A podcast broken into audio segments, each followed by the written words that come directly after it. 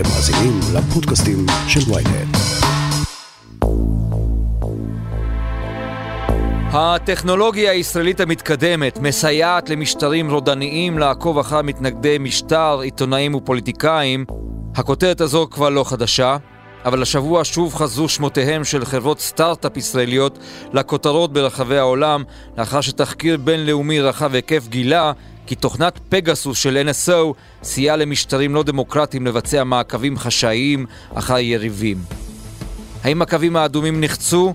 האם ישראל בבעיה אתית ומוסרית כאשר היא מאשרת מכירת טכנולוגיות מן הסוג הזה למשטרים חונקים? ומה אפשר, אם בכלל, לעשות על מנת להשפיע על השוק הפרוע של טכנולוגיות הריגול הישראליות? דוקטור רונן ברגמן ודוקטור מתן גוטמן על עולם הצללים של הריגול הטכנולוגי במאה ה-21.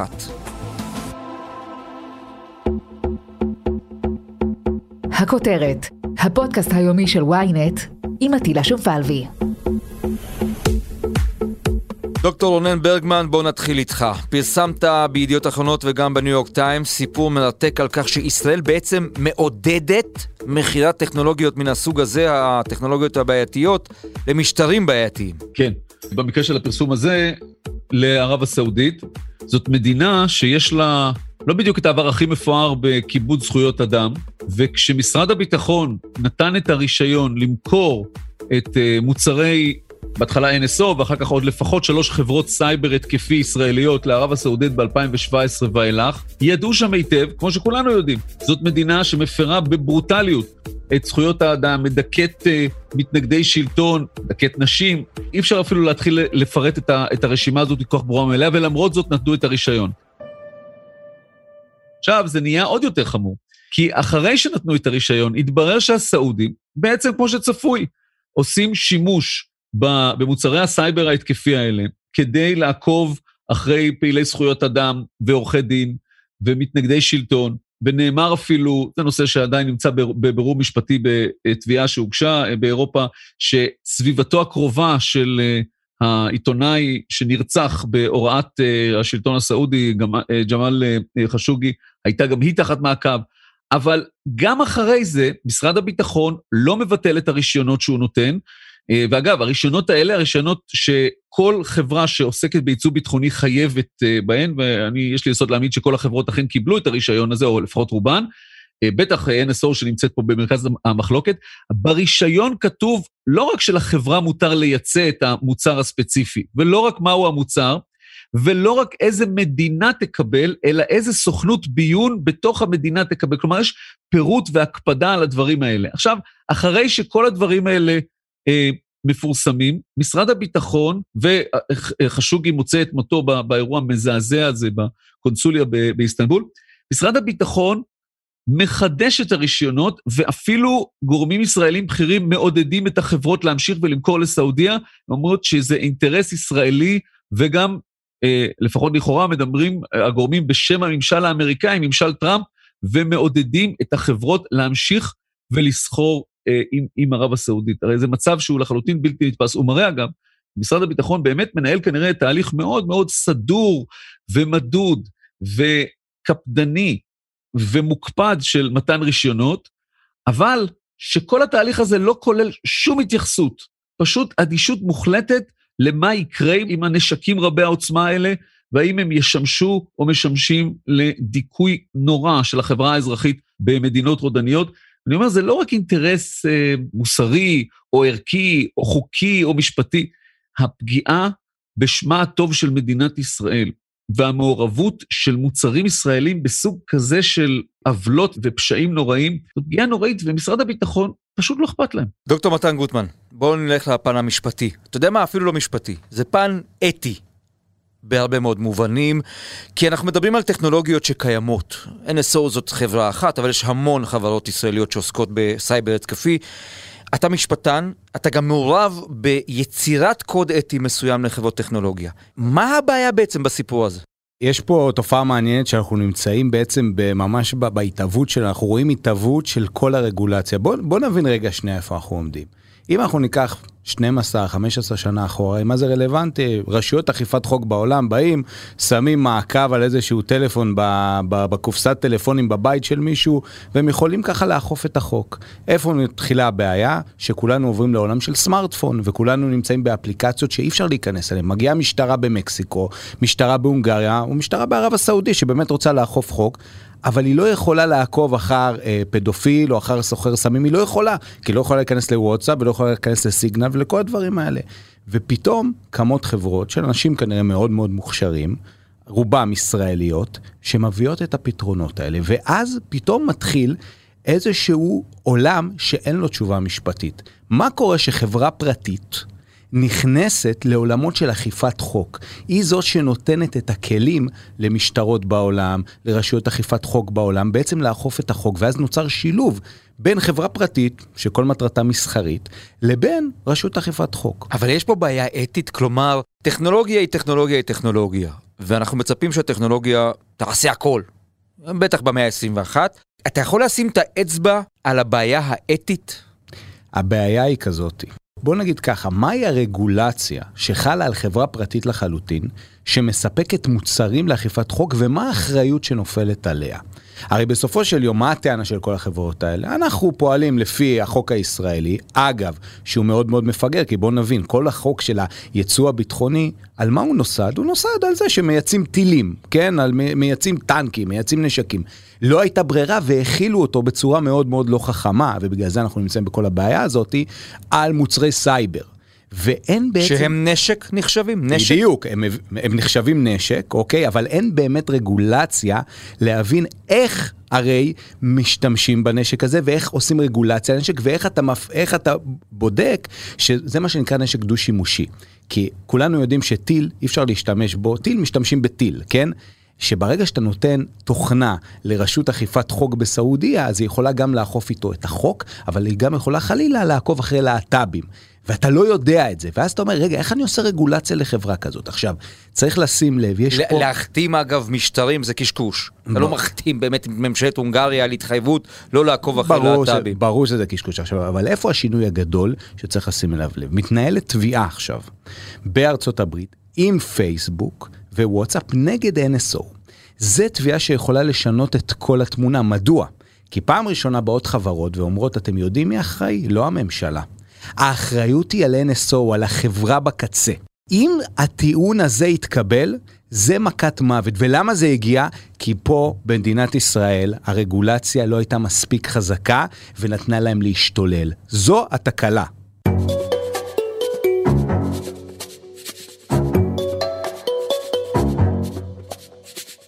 דוקטור ברגמן, אני חוזר אליך. בוא נדבר רגע על האינטרסים של מדינת ישראל. אתה מבקר את מערכת הביטחון על זה שהיא נותנת אישורים לחברות מן הסוג של NSO למכור למדינות שבהן יש לישראל המון אינטרסים.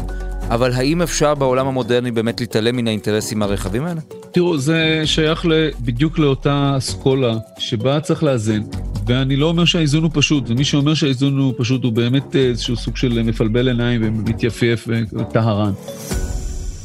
יש למדינת ישראל אינטרסים, וברור שכשמוחמד בן סלמן, יורש העצר הסעודי, מבקש ממדינת ישראל שתאשר מכירה של מערכות פגסוס או מערכות סייבר התקפי אחרות לסעודיה, כי הוא חושב שהוא צריך את זה.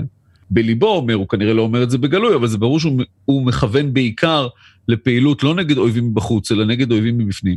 ומדינת ישראל רוצה קשרים טובים, חשאיים בינתיים, עם uh, מוחמד בן סלמן, גם כדי שהוא יאשר למה שנתפס כאחיו הקטן, MBZ, לחתום על הסכם שלום עם ישראל, וגם כדי שיתייצב לצידנו בחזית עם איראן.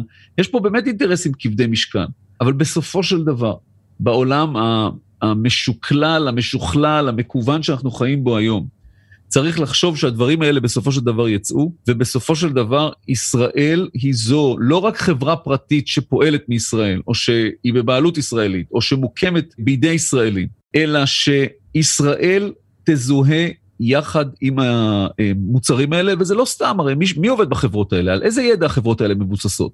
מדובר פה בעצם על איזושהי פרוליפרציה של ידע military grade ברמה צבאית של סייבר התקפי, גם אם זה לא בדיוק מה שפותח ביחידות הסייבר ההתקפי ב-81 או 8200 או במוסד, הרי זה אנשים נדירים, עם ידע נדיר, שמסיימים את הקריירות שלהם שם, ונקלטים בחברות האלה, ואומרים להם, אתם תמשיכו לעשות כאן בדיוק את אותו דבר, רק תרוויחו פי 10 או פי 20. הסכומים שם הם סכומים, אה, סכומים גבוהים מאוד אה, ש, שהצעירים האלה מרוויחים. זה לא סתם שזה גדל בישראל, זה לא מקרה שזה דווקא כאן יצאו כל כך הרבה חברות של, של סייבר התקפי.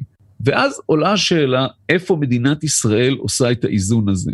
וצריך לעשות פה איזון. לצערי, משרד הביטחון, לא רק שהוא לא עושה איזון, אם כבר אז הוא עושה את זה לכיוון ההפוך, כלומר הוא מעודד את הסחר הזה, ולא רק זה, אלא שהוא נוקט במדיניות נוראית, בלתי חוקית לחלוטין בעיניי, של אי שקיפות, של ניסיון למנוע מכל הליך משפטי, לחייב את המשרד, לחשוף את החוזים. הוא כופה על החברות, NSO, קנדירו, חברות אחרות, קוואדרים, שלא לגלות מי הלקוחות שלהם, אפילו אסור להם לגלות למי הם סירבו להיות לקוחות. זה הרי מצב בלתי אפשרי, ואני מוכרח לומר שכעיתונאי, יש פה במדינת ישראל שורה של גופים, גופים ביטחוניים, חלקם מאוד סודיים. אתה רואה ש... בכל זאת אכפת להם ממה שכותבים. התחושה שלי למשרד הביטחון, פשוט לא אכפת להם מכלום. זה לא קשור, זה שני נושאים שונים, אבל זה לא סתם שערלות לב ואטימות, כמו שראינו באגף השיקום, וסוג של אטימות לנושא זכויות אדם במדינות אחרות, שאנחנו רואים בפרשיות האלה, הכל מתרחש באותו משרד. זה ה-DNA וזאת התרבות הארגונית שלהם. אני רוצה להתעכב איתך על עוד uh, סוגיה אחת שנוגעת כמובן לטכנולוגיות האלה. הרי הזכרת את הצעירים שיוצאים מ-8200, 81. אם הם לא פועלים כאן, הם יפעלו במקום אחר. אתה, נדמה לי, פרסמת תחקיר מעמיק על לאן הולכים הצעירים האלה, תמורת הרבה מאוד כסף. אז אם לא NSO בהרצליה, אז אולי באיזו חברה XYZ, באיחוד האמירתים, או בקפריסין, או ברודוס, או לא יודע איפה. בסופו של דבר, אי אפשר לבלום את הטכנולוגיה. אז קודם כל, לא אמרתי שיש פתרונות קלים, ואמרתי שמי שטוען שיש פתרונות קלים, יושב באיזה מגדל שן אה, ולא לא מחובר למציאות, וקל לו רק לדבר על אחרים. אני אומר שיש פה קושי. סדרת תחקירים של איתי אלנאי ושלי בשבעה ימים של ידיעות אחרונות, שבאמת אמרנו, הראינו שכמה שהאנשים האלה מרוויחים בישראל, בחו"ל מציעים להם עוד יותר, זה מגיע למשכורות לפעמים של uh, עד 100 אלף שקל לחודש לאדם, לצעיר שהשתחרר עכשיו מיחידת סייבר התקפי בין 24-25. באמת סכומים שאדם כל כך צעיר, uh, קשה לו, הוא מבלבל. עם נוף לים הם כותבים שם בהצעות העבודה האלה. ואז צריך באמת לייצר מדיניות, שגם בה נכשל משרד הביטחון, לא רק של לגלות רגישות למי מוכרים, אלא של, ופה אני אומר, לגלות קשיחות ומדיניות אכיפה ופיקוח מאוד מאוד נוקשים על איפה הצעירים האלה הולכים לעבוד, ומה הם עושים במסגרת העבודה הזאת, ומי המפקדים ומה המפקדים של אותן uh, יחידות סייבר, לאן הם הולכים, ואיזה ידע הם לוקחים, יש פה חברות שהן כמובן טוענות שהכל פותח לבד, ואני לא מדבר על NSO, שמופיע בתוכן איזה אמצעי סייבר סופר אה, מהפכני, ואז כשאתה מגלה מי הבעלים של החברות האלה, אתה מתבהר לך שהוא היה קודם מפקד של יחידה שבה פותח אותו אמצעי. הרי מצב בלתי נסבל, וגם בדבר הזה, שבו אני הייתי, אני חושב שצריך לנקוט אה, אמצעי אכיפה אה, אגרסיביים, גם בדבר הזה משרד הביטחון נכשל. מיד נמשיך עם הכותרת, אבל לפני כן, הנה הודעה קצרה. אהלן, זה עופר שלח. אני רוצה להזמין אתכם להאזין לפודקאסט החדש שלי מבית ynet. קוראים לו האמת היא, ובכל שבוע אני אשוחח בו עם דמות אחרת על סדר היום העתידי של ישראל, שזו דרך יפה להגיד שנדבר על כל מה שבאמת חשוב שהפוליטיקה תעשה בשבילנו. אז חפשו האמת היא באפליקציות הפודקאסט שלכם, יהיה מעניין. האמת היא, עם עופר שלח. עם עופר שלח.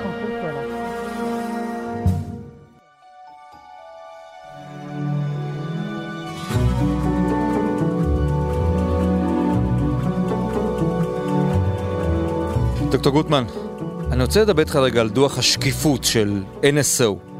דוח כזה שניסה להראות שהחברה דחתה הצעות במאות מיליוני דולרים, אבל אז מתברר באמת שדחו 300 מיליון אולי, אבל אמרו כן לעסקאות אחרות.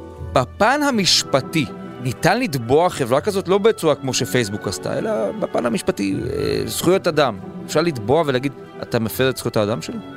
תראה, NSO מנסה לעשות צעדים, צריך לברך על זה באופן עקרוני, אתה אומר, מה, איזה מחויבות יש להם, חברה פרטית לתועלת רווח, אבל לא, וזה לא העולם של ימינו וזה לא 2021. אבל בסופו של יום, כולנו יודעים, הרי אתה תסמוך על חברה בורסאית שהיא מפרסמת לעצמה את הדוחות הכספיים, יש מישהו כזה? לא, ברור שלא. אתה רוצה שיהיה רואה חשבון חיצוני שיבדוק אותו. אתה רוצה שתהיה רגולציה של הרשות לניירות ערך. זה בדיוק אותו הדבר.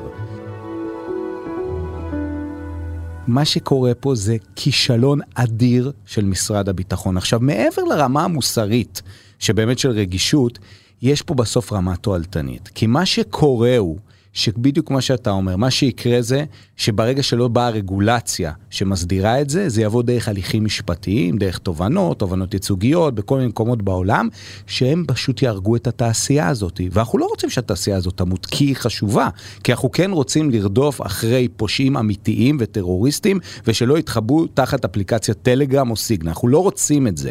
אבל ברגע שאתה לא עושה רגולציה, ואתה בעצם מכריח את החברות האלה להיות תחת רגולציה אמיתית, רצינית, זה מה שיקרה, ופשוט משרד הביטחון פה נכשל בגדול. האם משרד הביטחון יכול להגיד לצעיר בן 23, 4, 5, שמקבל את ההצעות שרונן ברגמן דיבר עליהן, להגיד לו, אדוני, אתה לא יכול לעשות שום שימוש בידע במשך חמש שנים למשל.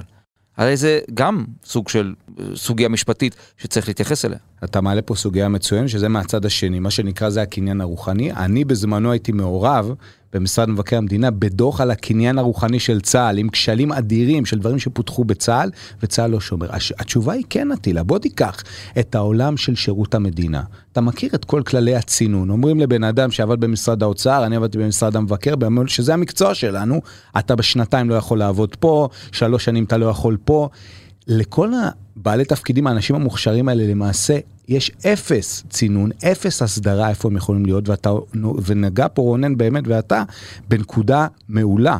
שבעצם גם פה אין שום הסדרה, גם פה בעצם המדינה, משרד הביטחון, לא מסדיר כלום מבחינת כל תקופות הצינון, ואיפה הם יכולים לעבוד, באיזה מידע הם יכולים להשתמש, והכל פרוץ. עכשיו, שהכל פרוץ, יש בעיות, נהיה כאוס, נהיה כאוס, מה שיקרה זה שהתעשייה הזאת תמות. ואנחנו, מה שאנחנו רואים עכשיו, את כל גל החזיר, קח לדוגמה אחרת, אפילו ניקח מכיוון אחר, סלברייט, שזה גם חברה ישראלית מאוד מצליחה, רצינית, של גם של כניסה לפלאפונים, היא עכשיו מתקשה מאוד לצאת להנפקה בארצות הברית. כי בארצות הברית באים ורצה לעשות, להיכנס לגל ההנפקות הגדולות האלה, להיסחר בשווי של שני מיליארד, ואומרים להם, רגע, אתם מפרי זכויות אדם קשים. פנו לנסדק, פנו שם לכל הגורמים, סנטורים, ואתם רואים בסוף הנושאים האלה זה מטעני צד, הם מתפוצצים לחברות האלה בפנים. כי, ושוב, אני לא מאשים את החברות, כי בסוף חברה עובדת, כי היא רוצה בסוף להרוויח כסף. מי שצריך לעצור זה המדינה. המדינה צריכה לשים רגולציה ולעשות את זה היום. היום, כי כל התעשייה הזאת בסופו של יום או תלך מפה, היא תמות, היא תלך למקומות אחרים, כמו שאמרת, בכלל לא יהיה פיקוח, ולכן משרד הביטחון חייב להתעשת.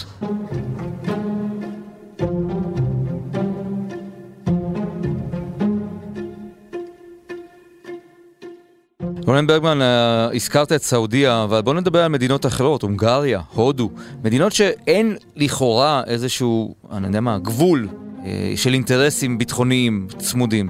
למה ויקטור אורבן נהנה מהשירותים האלה שמיוצאים לו? פעם אה, היה מי שאמר שהפטריוטיות היא מפלטו האחרון של הנבל. הרי בכל דבר, אם אתה רוצה לתרץ אותו, אתה יכול להסביר אותו בשיקולים כאלה או אחרים של אה, אינטרסים ביטחוניים של מדינת ישראל, שבגללם מאשרים אה, את העסקאות האלה. אני רוצה להתייחס רגע למדינה אחרת, שגם איתה כאילו, למה שנאשר, וזאת מקסיקו. מקסיקו זכתה לאין סוף אישורים. כל מערכת הביטחון, התעשייה הממשלתית והתעשייה הפרטית, הצבאיים, המודיעיניים, כולם היו שם ומכרו במיליארדים. ומי שאישר חלק גדול מהעסקאות היה בן אדם שקוראים לו תומאס זרון, הוא היה מקביל שם לראש ה-FBI, ומי שזכור כאיש שהוא זכה לתהילת עולם בזה שהוא היה זה שמסר את אל צ'אפו, ברון הסמים, לידיים של האמריקאים. אבל הוא גם זה שמואשם, הוא אולי בכיר המבוקשים היום במקסיקו, מואשם שפיברק ראיות, עינה, היה מעורב בחטיפות של אנשים. בקיצור, התברר שהוא לא בדיוק מהטובים. הוא נמלט לקנדה, ומשם נמלט לישראל, ומוצא כאן מקלט בידיעה, באישור, בהסכמה, בחיפוי, הייתי אומר, של השלטונות הישראלים, כשאומר לי אה, פקיד ישראלי בכיר, הוא דיבר על מה שבזמנו נתניהו ואחר כך אשכנזי קראו דיפלומטיה של תמורות. הוא אומר, למה שאנחנו נסגיר את תומאס זרון למקסיקנים? הנה הממשל של אוברדור, הנשיא, הנשיא הנוכחי של מקסיקו, הצביע נגד ישראל במועצת זכויות האדם של האו"ם, ונוקט במדיניות אנטי-ישראלית. אז אין שום סיבה שאנחנו נסגיר להם את תומאס זרון, כאילו המעורבות של תומאס זרון בבידוי הראיות ובטיוח של פרשה נוראית, אולי הנוראית ביותר בתולדות המלחמה של מקסיקו בקרטלים, שבסוף 2014 נחטפו ונרצחו 43 סטודנטים צעירים במחוז גררו בדרום המדינה, כאילו שזה קשור לזה שמקסיקו מצביעה נגד ישראל במועצה לזכויות האדם שלו, וזה יכול להיות שזה דבר נורא מה שהם עשו, אבל, אבל מה הקשר? והדבר הזה, הנה דוגמה אחת לאיך מחברים את הכל להכל כדי לתרץ את ההתנהלות הלא מוסרית, הלא ערכית, הלא חוקית, כמו שנאמר כאן, בסוף גם המאוד מאוד לא טובה לישראל מהצד שלה, מהאינטרסים שלה, אה, והנה הנה, הנה, כאילו ההסברים הפתלתלים למה אנחנו מתנהגים כך. טוב, אה, ברור לגמרי שאנחנו נמצאים בעידן חדש, אה, דוקטור ברגמן ודוקטור אה, גוטמן. מילת סיכום שלכם, נתחיל איתך דוקטור גוטמן, לאן זה הולך? האם כל העולם הזה עומד בפני שינוי בעקבות הפרסומים האחרונים? אני חושב שכבר תקופה ארוכה אנחנו רואים, זה לא סתם שזה בא מהמון המון כיוונים, בין אם כל מיני חשיפות בכל מיני כיוונים, בין אם מאותה תביעה משמעותית שמתנהלת בארצות הברית ועוד כל מיני שהולכות וצצות, אני בטוח שכן. נראה לי גם שיש איזשהו כיוון של התעוררות מצד הממסד הישראלי והבנה שאת המציאות הנוכחית אי אפשר להמשיך, באיזשהו מקום זה הממזרים שינו את הכללים ולא אמרו לנו, זה התופעה, חבל שלא נזכרו כמה שנים קודם, אבל זה המצב.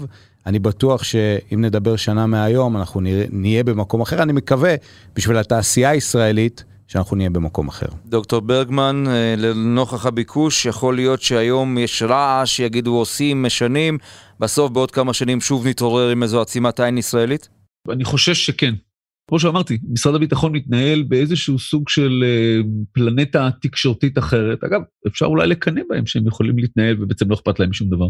אבל, אה, אבל ברצינות, מרגישים שמעל כל דין ודיין ומידה וביקורת, וגם מעל כל צורך למסור איזשהו דין וחשבון לציבור ששולח אותם אה, ומשלם את משכורתם. אני חושב שבין אם בצורה או בהליכים משפטיים בחו"ל, אבל, אבל רק לחץ ציבורי כאן בישראל בסופו של דבר, על משרד הביטחון, יכול לשנות את הדברים מלמעלה, כלומר לשנות את, את ההתייחסות, כי אנחנו, אז יגידו, רגע, ומה עם האמריקאים, ומה עם הרוסים, ומה עם הסינים? בסדר, יכול להיות, אבל קודם כל אנחנו, אנחנו חייבים לעצמנו דין וחשבון, ולעצמנו ליישר את עצמנו לפי איזה שהם ערכים, אה, ערכים אוניברסליים של אה, של, של מה צודק ומה נכון ומה ערכי, ולא לתת את הדין לדברים הנוראים האלה. תראו, אני, אני דיברתי, סיפרתי קודם על הפרשה הזאת של 43 סטודנטים שנחטפו ונרצחו על ידי אחד מהקרטלים, הפרשה של תומאס זרון היה שותף בטיוח שלה. דיברתי עם הורים של אחד מהנעלמים, והם ועורכי הדין שלהם, הטלפונים שלהם היו יעד להתקפה של אה, מוצרים, מוצרי סייבר התקפי ישראלים ששווקו למקסיקו. ומסתכלים עליי ואומרים, רגע, אבל למה מתקיפים אותנו? הרי אנחנו הנפגעים. כמובן, התקיפו אותם כי רצו להשתיק את הביקורת שלהם.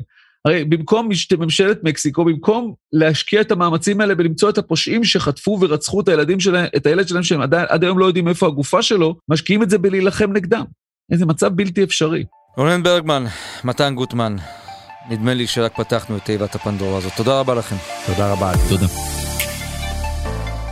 עד כאן הכותרת להיום. מחר נהיה כאן שוב עם פרק נוסף.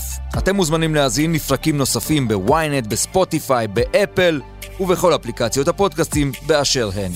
אם יש לכם הערות, בקשות או רעיונות, אתם מוזמנים ליצור איתי קשר באמצעות האימייל podcaststudel.ynet.co.il עורך הפודקאסטים שלנו רון טוביה, בצוות ערן נחמני ושחה ברקת, על הסאונד ניסו עזרן. אני עטילה שומפלבי, נשתמע מחר.